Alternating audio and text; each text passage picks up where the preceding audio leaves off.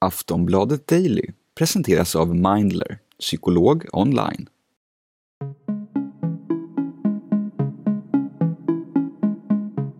Var du bor, hur utbildad du är och vad du jobbar med. Det spelar en stor roll för risken att bli allvarligt sjuk och dö med covid-19. Det fortsätter som i början av pandemin att vara så att människor i utsatta områden är överrepresenterade bland allvarligt sjuka och döda med covid-19. För ungefär ett år sedan gjorde vi på Aftonbladet Daily ett avsnitt som handlade om att vissa grupper i områden som Tensta och Rinkeby i Stockholm är extra utsatta under pandemin. En ny rapport som analyserat hur Stockholms län drabbats även under andra vågen och början av tredje vågen visar att det fortfarande är tydligt. Socioekonomiska faktorer har betydelse för hur man drabbas under pandemin. Det här ska vi prata om i dagens Aftonbladet Daily. Jag heter Amanda Hemberg Lind. Vi talar med en av rapportens författare, Vicky Bartelink, biträdande enhetschef på Centrum för epidemiologi och samhällsmedicin i Stockholm.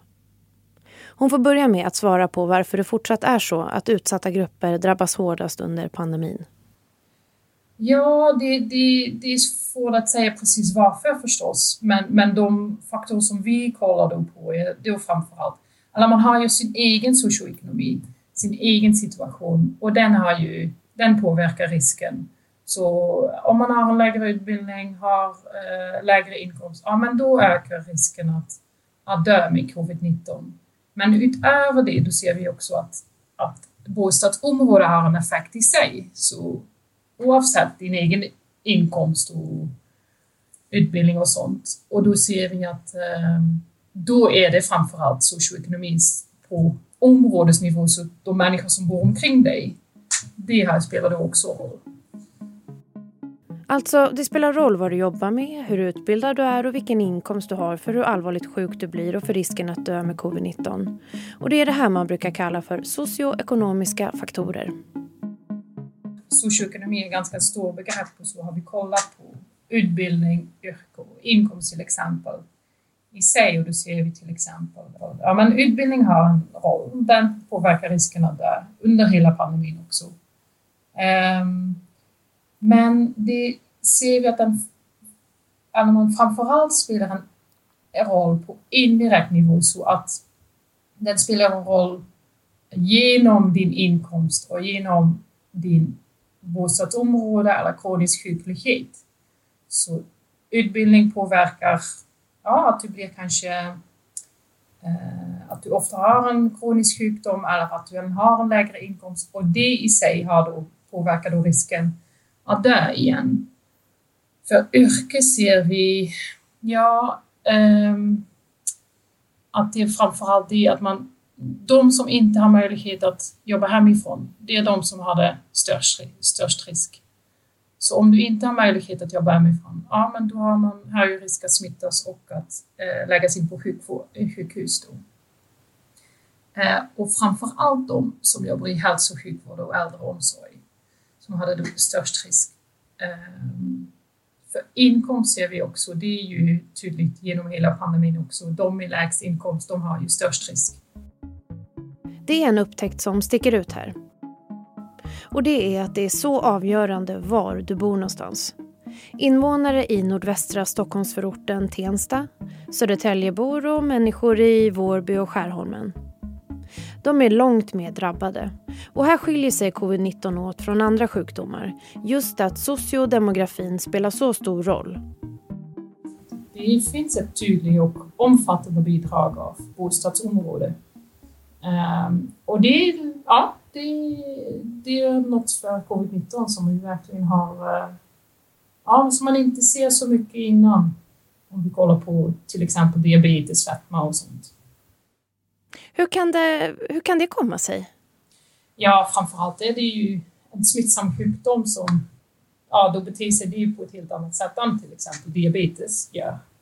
Så det är väl en, en grej. För det andra, det, det, vad jag tycker är intressant är att man att det egentligen finns två saker. Så man har sin egen socioekonomi som påverkar riskerna där.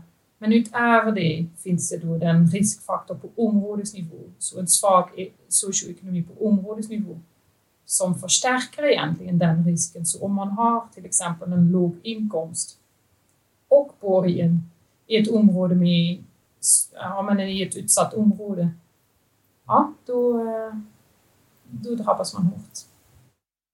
Vi ska strax prata om vaccineringen i utsatta områden, men först ett meddelande från vår sponsor. Skulle du vilja prata med en psykolog men vet inte riktigt hur du ska göra?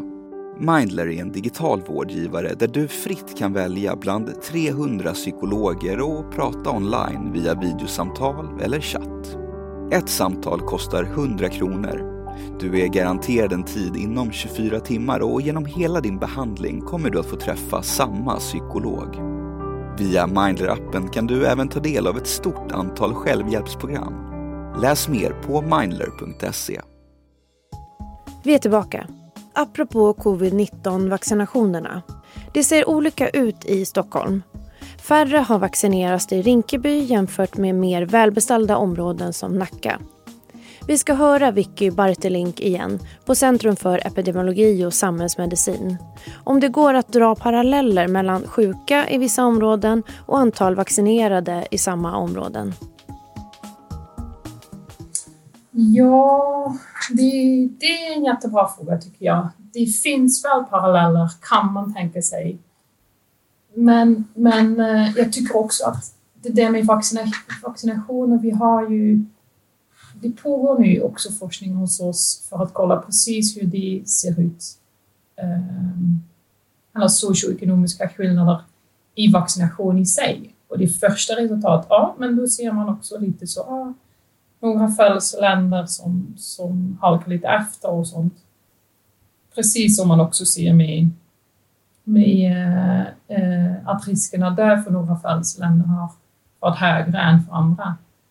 Men eh, hur, och, hur det precis påverkar fram, nej, det, det, det tycker jag det måste vi forska i lite mer och inte minst också kvalitativ forskning som kommer då eh, till hand, tänker jag. Att man verkligen ska kolla på varför vill man kanske inte vaccinera sig till exempel i, eh, i några grupper. Men om du eh, jämför lite, om man tänker då, ja, april 2020 och sen nu då till 2021, eller ni har ju kollat på mars då 2020 nu till mars 2021 ska jag säga. Vad har Stockholm lärt sig på ett år?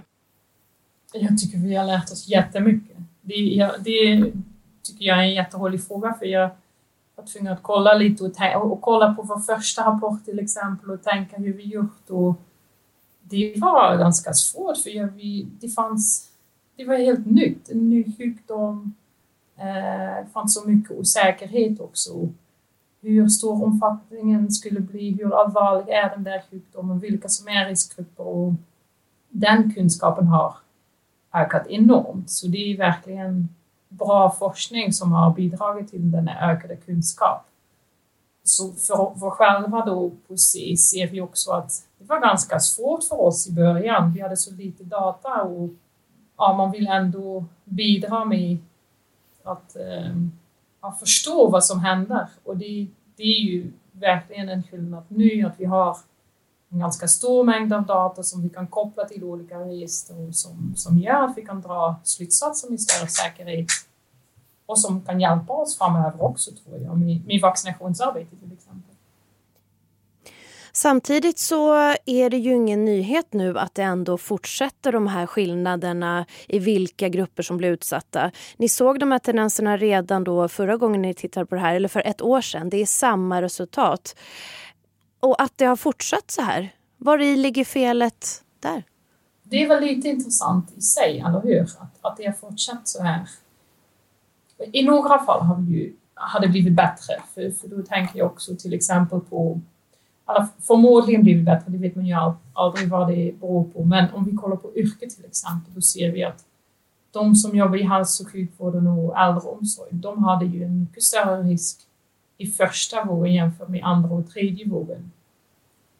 Det kan bero på att den relativa, det, det är en relativ risk, så det kan bero på att de som är anställda i vården, sjukhusvården, de har fått en lägre risk. Det kanske är bättre tillgång till skyddsmaterial till exempel som kan bidra till det. Men det kan förstås också bero på att det finns en högre risk för, den, för alla andra på grund av ökad smittspridning. Så jag tänker det där med att vi har haft en ganska mycket smittspridning, att det har varit ganska högt det, i samhället i sig. Då, det tycker jag bidrar också att, ja, att det fortfarande finns socioekonomiska skillnader. Var det någonting i rapporten som förvånade dig? Ja, då är det väl framförallt det där med... Eh, vi har kollat på bostadsområde och hur eh, stor andel eh, slutenvårdade de har. Och kollat hur det ser ut i första vågen jämfört med andra och tredje vågen. Jag tyckte var intressant är att vi, eh, att vi såg att de 20 procent hårdast drabbade områdena i hela pandemin, ja, det var i stort sett samma område i första vågen jämfört med andra och tredje vågen. Och det, det är ju lite intressant i sig, tänker jag, att det var verkligen i, i stort sett precis samma område. Tack för att du ville vara med. Ja, ingen fara. Sist här hörde vi Vicky Bartelink, biträdande enhetschef på Centrum för epidemiologi och samhällsmedicin i Stockholm. Jag heter Amanda Hemberg Lind och du har lyssnat på Aftonbladet Daily, vår dagliga nyhetspodd. Vi hörs snart igen. Hej då! Du har lyssnat på en podcast från Aftonbladet. Ansvarig utgivare är Lena K Samuelsson.